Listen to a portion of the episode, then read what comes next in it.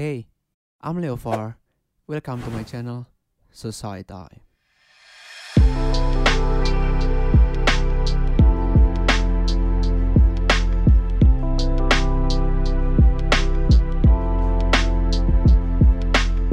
Ya ini unik sih Ren, maksudnya uh, teman-temanku banyak yang ngerasa bahwa mereka itu salah jurusan dan Hmm. stres, and they cannot handle it gitu loh. Maksudnya, aduh gimana sih? Dan banyak loh sampai yang nangis gitu dan merasa bahwa nggak mampu, ngerasa bahwa ke depan takut gimana ya nggak jadi arsitek yang baik, nggak bisa jadi arsitek yang hebat gitu.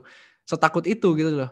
Maksudnya, uh, even aku waktu kuliah pun aku udah dikasih tahu ke papa karena kamu jangan terlalu idealis. Kamu mungkin sekarang punya idealis yang tinggi, tapi kamu belum tentu juga ke depan jadi arsitek juga gitu loh. Anyway, right now, hello, Dad. You're right. Enggak, oke, maksudnya eh, maksudnya ya itu sih. Banyak banget yang ngerasa bahwa mereka tuh salah jurusan dan mereka nggak bisa nge-handle itu gitu loh. Dan sebenarnya eh, kalau semisal nih ada orang yang mereka ngerasa salah jurusan dan mereka ngerasa takut ke depannya nggak nggak jadi kayak gitu. Kayak aku sama Feren tuh mungkin mau mewakilin buat kalian ngomong bahwa it's okay gitu loh. Nggak Betul. harus kita kerja sesuai apa yang kita tekunin mungkin, apa yang kita lakuin di kuliahan. Tapi di sisi lain juga kalau misal kalian bisa kejar itu maksimalin di situ gitu loh. Karena itu bakalan lebih mudah pastinya. Karena mungkin kalau semisal temennya Feren di Tech Kim udah punya basic Tech Kim, kalau kerjanya di industri tek- teknik kimia juga pasti lebih lebih memudahkan. Tapi juga Hmm. nggak menutup kemungkinan bahwa kamu bekerja di luar industri itu gitu loh. Ya nggak sih Ren? Betul. Dan bahkan temanku yang sangat expert di Tekim ya, akhirnya waktu waktu kuli, waktu kerja tetap dari nol sih, Ro. Hmm, Karena apa ya? Oke. Enggak, walaupun teknik kimia itu ilmu eksak ya, tapi tetap di pekerjaan tuh akan jauh lebih kompleks. Oke. Pasti. Ini menarik kamu sih. jadi operator, kecuali kamu jadi operator yang bentuknya apa gitu ya, mungkin sama terus. Ini sama. ini ini menarik sih. Maksudnya aku kira cuman di arsitek doang yang di arsitek tuh banyak banget omongan kalau yang kamu nanti kerja Hmm. itu tuh beda banget sama yang kamu pelajarin di kuliahan. Hmm. Dan ternyata jurusan lain juga kayak gitu. Aku juga maksudnya aku baru tahu ini gitu loh. Ternyata Tekim juga waktu kuliah dan waktu kerja itu tuh beda banget. Dan di arsitek Hmm. tuh juga beda gitu loh. Ya walaupun nggak beda. Maksudnya ada beberapa yang kepake juga. Maksudnya kita juga tahu Iya, iya, basic-basicnya pasti. kalau pondasi harus kayak gimana, kita bentang struktur harus kayak gimana, kalau misalnya sirkulasi harus kayak gimana, tapi itu kepake juga, tapi nggak 100% sesuai apa yang selama ini kita pelajarin gitu loh. Betul. Betul. Apalagi Ya sama ya, yang teknik kimia itu tuh asumsinya selalu ideal, Bro. Jadi kamu kok Ah. belajar teknik kimia eh, mengerjakan case apa gitu. ya, Asumsinya itu selalu kondisi ideal. exact Teman-teman teknik tahu. ini ya wordnya ya, Iya. Iya, asumsinya ideal. Jadi kan tapi waktu di lapangan kita ketemunya sama yang nggak ideal kan, Bro. Ya kan? Banyak Iya, iya, aspek yang mempengaruhi itu. banyak aspek yang mempengaruhi itu, bener-bener bener. Jadi kayak nggak Iya. sesuai sama yang kita pelajarin gitu ya? Betul. Jadi teman-teman jangan merasa kalau salah, merasa apa ya? Merasa waktu kuliah, semester 2, semester 3 itu pasti masa-masa bimbang sih. Bener gak sih? Setuju, setuju banget, setuju banget. Semester 2 sih parah itu kayak sempet pengen pindah jurusan nggak Ren? Aku Ah. enggak. Oh enggak ya? Enggak. Wih mantap Enggak. mantap. Soalnya Enggak. aku pernah dulu. Hmm. Jujur aku orangnya apa ya? Karena hmm, aku sendiri yang milih. Jadi aku akan bertanggung jawab sama pilihanku. Eh, apa namanya? Kamu ada opsi kedua atau ketiga gitu nggak? Maksudnya kalau beberapa mahasiswa lain kan, ya opsi pertama misal mau masuk teknik kimia, opsi kedua apa ya? Kalau misal nggak keterima teknik kimia apa ya? Atau kamu udah tahu kayak, wah kayaknya Feren itu Feren pasti udah masuk teknik kimia gitu. Sejujurnya aku orangnya idealis banget, guys. Jujur, sejujur jujurnya aku idealis banget. Sebelum mencari kerja ya. Sekarang kayaknya udah kayak runtuh gitu ya tembok idealisnya ya. Waktu dulu tuh aku idealis banget. Jadi pokoknya aku mungkin kalau ada plan B itu hanya satu persen lah. 99% aku yakin aku akan masuk teknik kimia. Wow, luar biasa sekali Darren. Tapi bagus loh, which is good. karena kamu udah Hmm. punya tujuan satu ya kamu mau nggak mau kejar itulah gitu. Itu bagus tau Nah, malahan. dulu, dulu merasanya kan kayak gitu kan, Ro. Dulu merasanya aku teknik kimia pokoknya gitu. Terus kan nggak lucu kan waktu masuk kuliah, terus merasa susah, terus aku bilang sama orang tua, lama kayak aku mau pindah gitu. Kayak menurutku itu sudah menjadi tanggung jawabku sih. Saat aku sudah memilih, apalagi udah dibayarin orang tua ya, Ro, kayak ya kalau misalkan Iya, bayar benar-benar. uang ya pindahlah. Benar-benar. Tapi ini kan kita apa ya bertanggung jawab ke Finish what you start. betul finish what you start betul dan always grow through what you go through. Selalu Yaps. sih itu. Itu yang tak tanamin sih. Karena kalau mikirin di- mikirin terus aduh kayak aku harusnya nggak di sini ya. Lama-lama tuh kita jadi nggak belajar sih Ro, akhirnya. Kayak terlalu fokus dengan ah nggak cocok nggak cocok nggak cocok. Padahal sebenarnya kalau kita lihat ke kanan lihat ke kiri oh ini Hmm. aku bisa belajar ini loh belajar ini loh kayak gitu. Jadi itu sih. Harus open open minded sih. Iya. Tapi community juga penting banget sih. Maksudnya eh, kamu juga Setuju. waktu di kuliahan punya teman-teman yang support kan. betul Sebenarnya eh, Betul. aku jadi keinget nih kemarin aku sempat ngepost di Society Time tahu nggak Hmm. yang aku kasih dua opsi yang pintu. Nih kalau kalian mau lihat Hmm. guys, aku munculin. Ding. Jadi yang satunya itu eh, kerja nggak sesuai passion tapi eh, your environment support support kita Hmm. apa adanya gitu. Terus yang satunya lagi kerja sesuai passion tapi lingkungan nggak support. Hmm. Dan itu tuh jauh banget tau. Aku nggak nyangka kalau sejauh itu gitu loh. Karena sebelum aku posting itu, aku tuh mempertimbangkan sebisa mungkin ini pilihan itu tuh imbang. Tapi nyatanya banyak banget loh yang milih A. Banyak banget menurut mereka di mana lingkungan yang support is everything. Hmm. Kalau kamu Ada yang bilang, aku jujur ya, aku B loh. Aku B. Tuh ya, B? Yang B B yang itu mana? ya? yang kerja sesuai passion tapi lingkungan nggak support nggak apa-apa. Wow. Oke, interesting. Hmm. Karena ya menurutku apa ya? eh, ini menurutku ya guys ya. Tapi aku juga maksudnya suka. Aku se- sebenarnya juga kalau misalnya bisa kerja sesuai passion dan dapat lingkungan yang support, why not gitu loh. Cuman kalau semisal ada dua pilihan itu aku milih yang B karena aku lebih pengen. Aku belajar apa yang aku pengen dan yang menurutku bermanfaat. Dan menurut eh, kalau ngomongin soal lingkungan, aku bisa menyesuaikan gitu loh. Kayak kata Bruce Lee, be like water. Itu ya belajar untuk menyesuaikan dalam segala kondisi. That struggle is real emang. Tapi aku pun di Jakarta ngerasain di mana ketemu banyak banget karakteristik orang dan ya emang kita mesti menyesuaikan gitu loh. Menyesuaikan bukan berarti bahwa kita mengikuti arus itu ya. Maksudnya kita udah punya pondasi yang kuat tapi kita bisa menyesuaikan oh kapan aku harus bertindak seperti ini, kapan aku harus bertindak seperti itu. Dan kadang-kadang lingkungan yang nggak enak itu jadi self defense kita gitu loh buat kita break through the limit, tau nggak sih? Hmm. Ya itu menurutku sih, maksudnya kayak aku juga appreciate buat semua orang yang milih A dan milih B, cuman aku dari aku dari sini tuh tahu oh gila ya. Eh, ada orang yang milih ini karena ini, ada orang yang milih ini karena ini gitu loh. Jadi kayak ya wajar dong tiap orang punya pilihan gitu loh. Dan ternyata emang lingkungan yang support itu bener-bener pengaruh banget buat teman-teman gitu. Nggak apa-apa sih kalau semisal kerjanya nggak sesuai sama jurusan. Karena jujur pun aku pun juga gitu kok. Jadi hmm, kenapa aku ngajakin si Feren ini buat ngobrolin soal ini karena eh, kita tuh ada kesamaan di mana apa yang Hmm. kita tekunin di kuliah itu tuh nggak sesuai sama apa yang kita kerjain sekarang gitu kan. Bukan sebuah standar di mana orang yang sukses orang yang kerja sesuai dengan jurusan, kerja sesuai dengan apa yang dia tekuni waktu kuliah. Sebenarnya kan itu kayak sebuah tembok yang se- selama ini kita berusaha hancurin gitu loh. Peluang itu datang kapan aja gitu loh. Dan tergantung kitanya siap apa enggak. Oh, Nah, uniknya di tempat kerjaku itu ada satu orang, nah, aku kan kerja di industri kreatif gitu. Yang di mana ngurusin kayak advertising dan lain-lain. Di situ, itu tuh ada yang dari jurusan biologi loh, Ren. Wow. Hmm.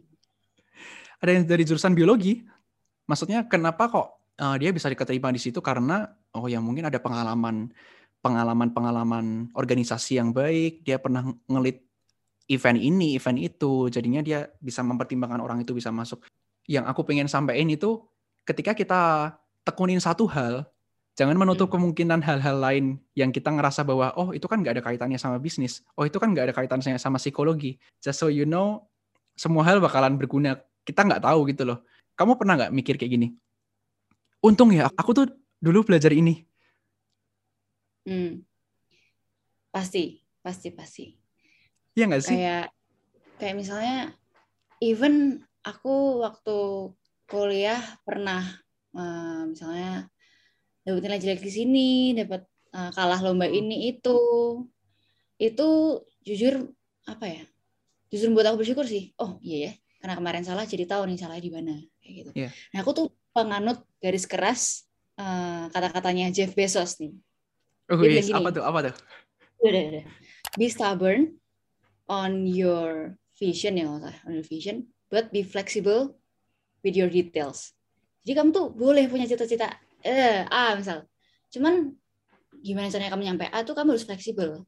Karena ya itu idealis tuh sebenarnya menurutku menurut Kills. pribadi ya itu ya kills membunuh mimpi sih menurutku. Kills. Karena kita terlalu idealis jadi kayak aduh kayak ini jadinya ke A gitu. Itu sih kunci quote yang aku pegang sekarang. Gitu. Setuju sih, setuju, setuju. Aku juga sempat bilang sih sama eh, apa namanya orang yang ada di kantorku gitu, yang dia udah kerja selama lima tahun. Kok kalau misalnya aku banyak nanya, sorry ya, karena emang jujur aku masih bodoh dalam bidang ini. Ya, aku jujur, maksudnya emang aku masih nggak tahu apa-apa dan eh, stay stupid in this industry karena emang ya emang aku belum tahu apa-apa gitu loh. That's why aku Iya. sering nanya dan aku lebih mending nanya daripada aku sok tahu terus aku mesti kayak oh ini tuh yang ini, oh ini tuh yang ini, oh bisa dibikin kayak gini nih. Jadi Hmm. emang mungkin terkesan kelihatan bodoh tapi ya I am gitu loh. Emang sementara ini aku masih masih ada di level itu dan ya emang banyak nanya sih di kerjaan. Dan sebenarnya nggak nggak nggak salah gitu loh. Maksudnya dari dia pun ngomong bahwa oh nggak apa-apa, aku malah suka kalau kamu banyak nanya. Apa-apa kalau kamu memang ada yang nggak paham tanyain aja nggak apa-apa malah I appreciate it kalau semisal kamu tanya karena kamu ada concern kamu ada keinginan buat tahu dia bilang kayak gitu jadi ya bersyukurnya aku juga ada di lingkungan di mana dia support dan mau ngasih mau ngasih aku contoh kayak gimana sih yang bener tuh kayak gimana sih yang bagus kita ngurusin campaign yang bagus tuh kayak gimana sih Iya, betul, setuju sih. Aku merasakan itu juga selama kerja sekarang. Sebenarnya eh, karena apa be ya? stubborn Sebenarnya Kalau kita tuh bertanya dengan memposisikan diri kita tuh masih kosong, itu menjadi less annoying sih menurut menurutku ya, buat Ah. orang lain. Nih misalnya nih, beda kalau misalnya kita tanya gini, eh Ko Alvaro misal, Ko Alvaro kalau ini tuh harusnya kayak gini kan? Itu pertanyaan A. Pertanyaan B, Ko Alvaro kalau misalnya gini tuh harusnya kayak gimana ya? Kita akan jauh lebih enjoy untuk jawab pertanyaan yang B menurutku iya Karena kayak iya kita iya bisa- iya. jadi oh ini anak tuh perlu belajar ya kayak ini anak tuh perlu kita Hmm. Perlu. Dia tuh belum tahu loh kayak gitu. Loh jadi justru kita bisa dapat ilmu ilmu yang lebih banyak menurutku lebih banyak. Kalau misalnya yang A tuh pertanyaannya benar-benar sempit kayak ini kan? Jawabannya yang iya dan enggak. Iya iya benar posisikan diri. Kita tuh masih belum tahu apa. Itu bikin ya lebih banyak ilmu lah yang kita dapat. Gitu. benar benar benar itu hal yang aku lihat juga di BCA sih Hiro. Kayak this company itu apa ya very inovatif dan aku lihat banget kenapa bisa inovatif? Ini aku membocorkan rahasia dapur kayaknya. Wih karena- wih wih. Karena eh, aku pun lumayan kaget gitu waktu masuk BCA eh, baru masuk beberapa bulan itu tuh aku udah ditawarin eh Van kamu ada, ada ide apa nih? Kita ada yang namanya BCA Innovation Award. Oh ya? Jadi nice kamu kan? Kayak ditanyain kayak gitu? Iya, jadi kayak oh ternyata tuh maksudnya uh, perusahaan segede ini tuh dia tetap menghargai inovasi sekecil apa pun, gitu.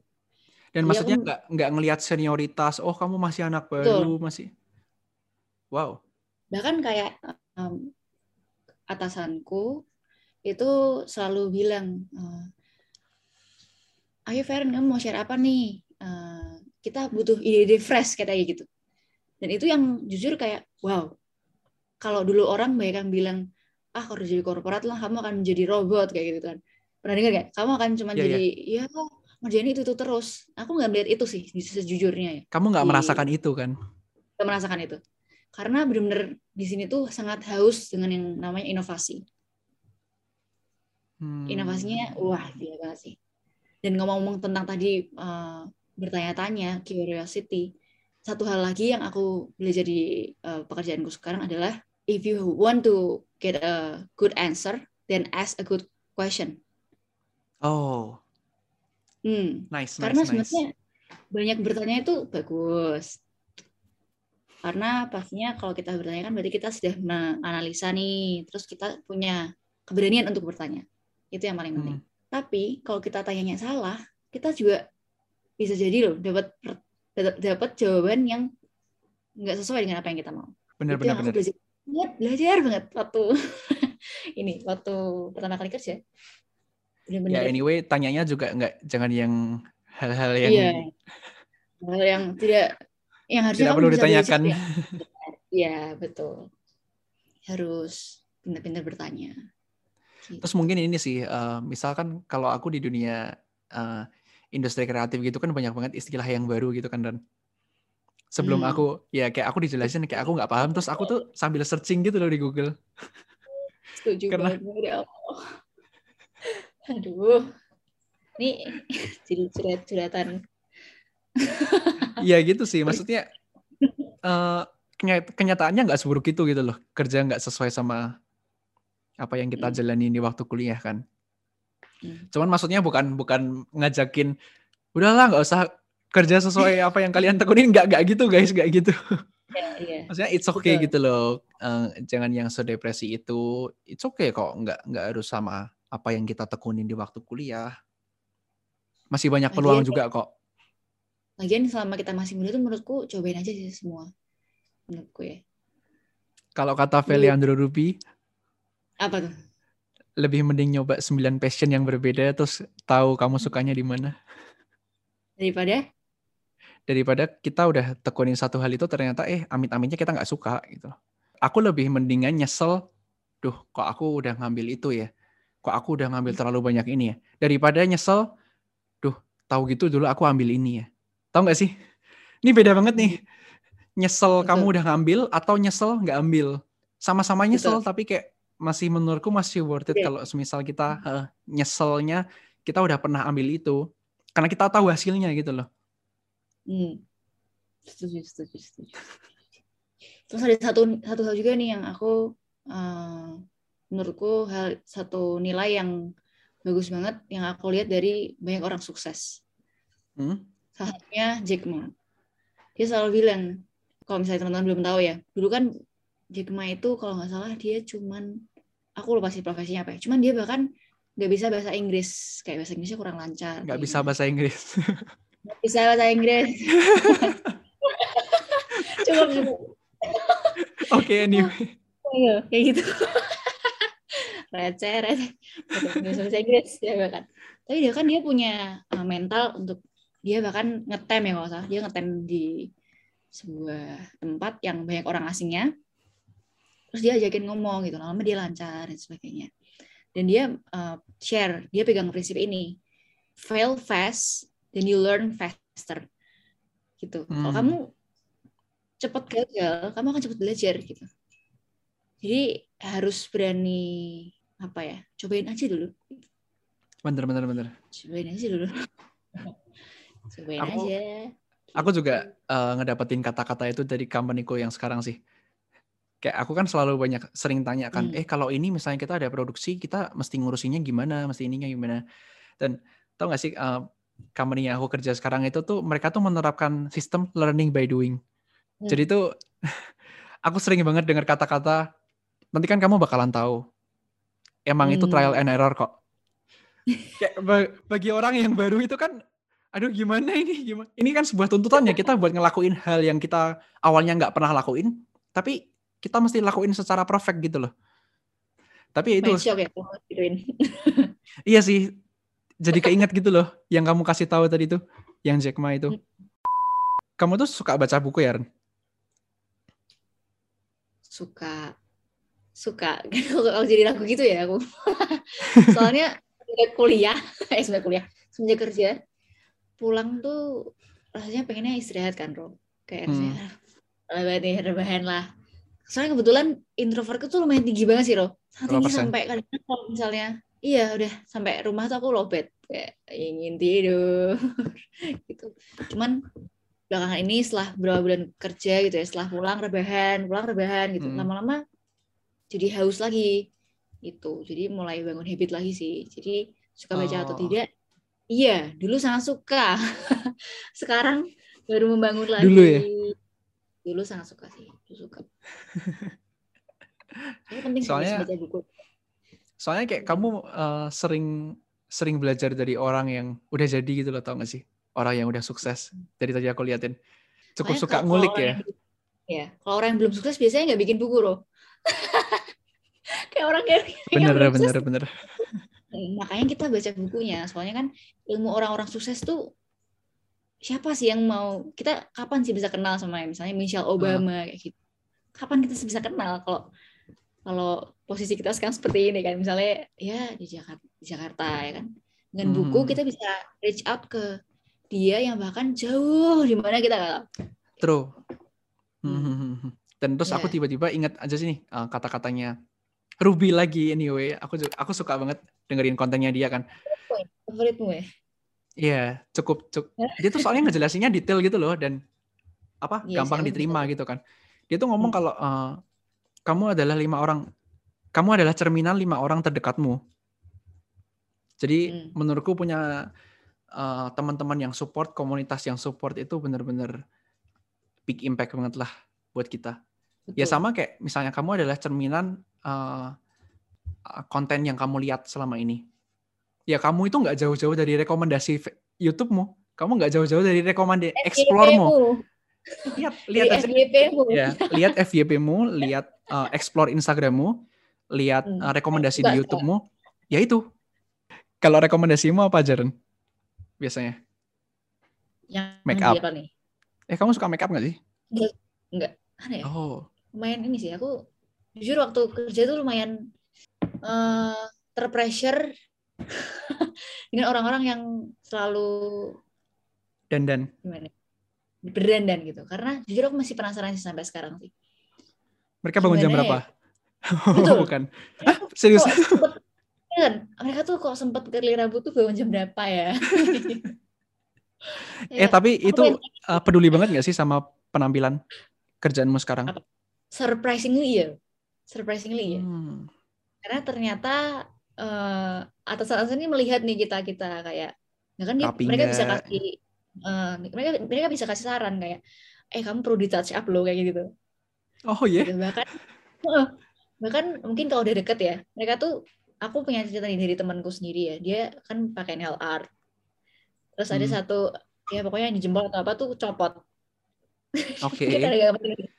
cuman atasan dia nyadar atasan dia nyadar terus bilang kayak eh kamu eh, ini dong manicure ulang kayak apa gimana gitu jadi sebenarnya cukup diperhatikan sih mungkin karena kita berhubungan sama orang langsung kan ya kita jadi representasi lah Hmm, hmm, hmm. Kayak gitu. Tapi ya itu sih aku nggak terlalu ke make up sih. Apalagi ketutupan masker, aduh, aku tambah males loh. Last question, Ren. Hmm. Feren Hmm. bakalan ngeliat Feren lima tahun lagi kayak gimana? Hmm. Sulit ini. I think 15 eh, 5 tahun ke depan aku mungkin masih bekerja di company yang sekarang, Oh, oke. Tapi sudah sudah ada eh, beberapa source of income yang istilahnya menjamin kalau aku keluar kerja pun I still can survive. Itu sih aku lima tahun ke depan. Itu untuk eh, di sisi pekerjaan ya. Kan kalau yang lain-lain kan macam-macam pro Hmm. relationship kan hmm, bisa sampai Hmm. mana kan ya terus banyak aspek lah. Tapi ini untuk pekerjaan sih lima tahun depan. Karen mungkin masih bekerja di sini eh, semakin expert terus punya beberapa bisnis yang bisa jadi lapangan pekerjaan buat orang lain. Hopefully amin. Amin. dan ada ada yang aku benar-benar suka yang aku realisasikan jadi bisnis. Itu sih. Kembali lagi uh, do what I love. Hmm. do what the world needs itu yang aku pengen dan yang satu sih pastinya professional career lah. Aku mau kejar sih. Professional Hmm. career dalam hal Ini pekerjaan di banking. Oh. Oke, oke, oke, I get it. Oke, good Iya, luck lah untuk untuk Feren. Apa pun yang kamu kerjain yang kayak aku tahu kamu ngerjain banyak hal banget. Kayak Hmm. kill the label kamu juga rintis dari awal. Kamu Betul. kerja Feren as an entrepreneur yang sekarang kerja di bank juga.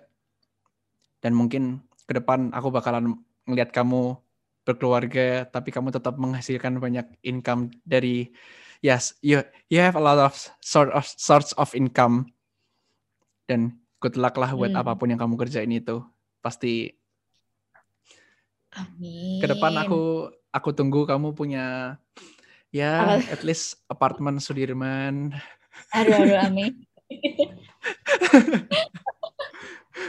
oke oke thank you ya thank you buat Feren thank you buat Feren udah nyempetin Sama-sama. waktunya malam-malam yang di mana sebenarnya tadi ada acara olahraga Iya harus olahraga guys. Ini COVID kan Oh, iya. lagi meningkat, harus olahraga, harus prokes. Oke. Pesan terakhir Ren, buat pendengar-pendengar. Apa nih kalau misalnya kamu mau nyampein gitu? Yang pertama menurutku, eh, ini pesan dari aku ya. Yang pertama adalah selalu istilahnya hmm, selalu mengucap syukur sih menurutku. Karena somehow gratefulness itu membuat kita lebih enjoy melakukan Hmm. apa pun. Karena kita tahu kalau semuanya itu dititipkan. Jadi kita akan mengusahakan nih apa yang sudah dikasih. Itu yang pertama. Yang kedua adalah sebenarnya mungkin lebih ke value yang kita sebaiknya punya sih menurutku ya, yaitu eh, melakukan semuanya yang terbaik. Hmm. Terbaik de- eh, dengan kacamata kita melakukan semuanya itu bukan untuk menyenangkan orang lain. Oke. Big again karena semua itu titipan. Siapa yang nitip? Tuhan Yang Maha Esa. Jadi kita harus punya mindset, ya apa pun yang kita lakukan uh, itu buat Tuhan. Terlepas apa pun agama kita ya, itu bu- buat Tuhan.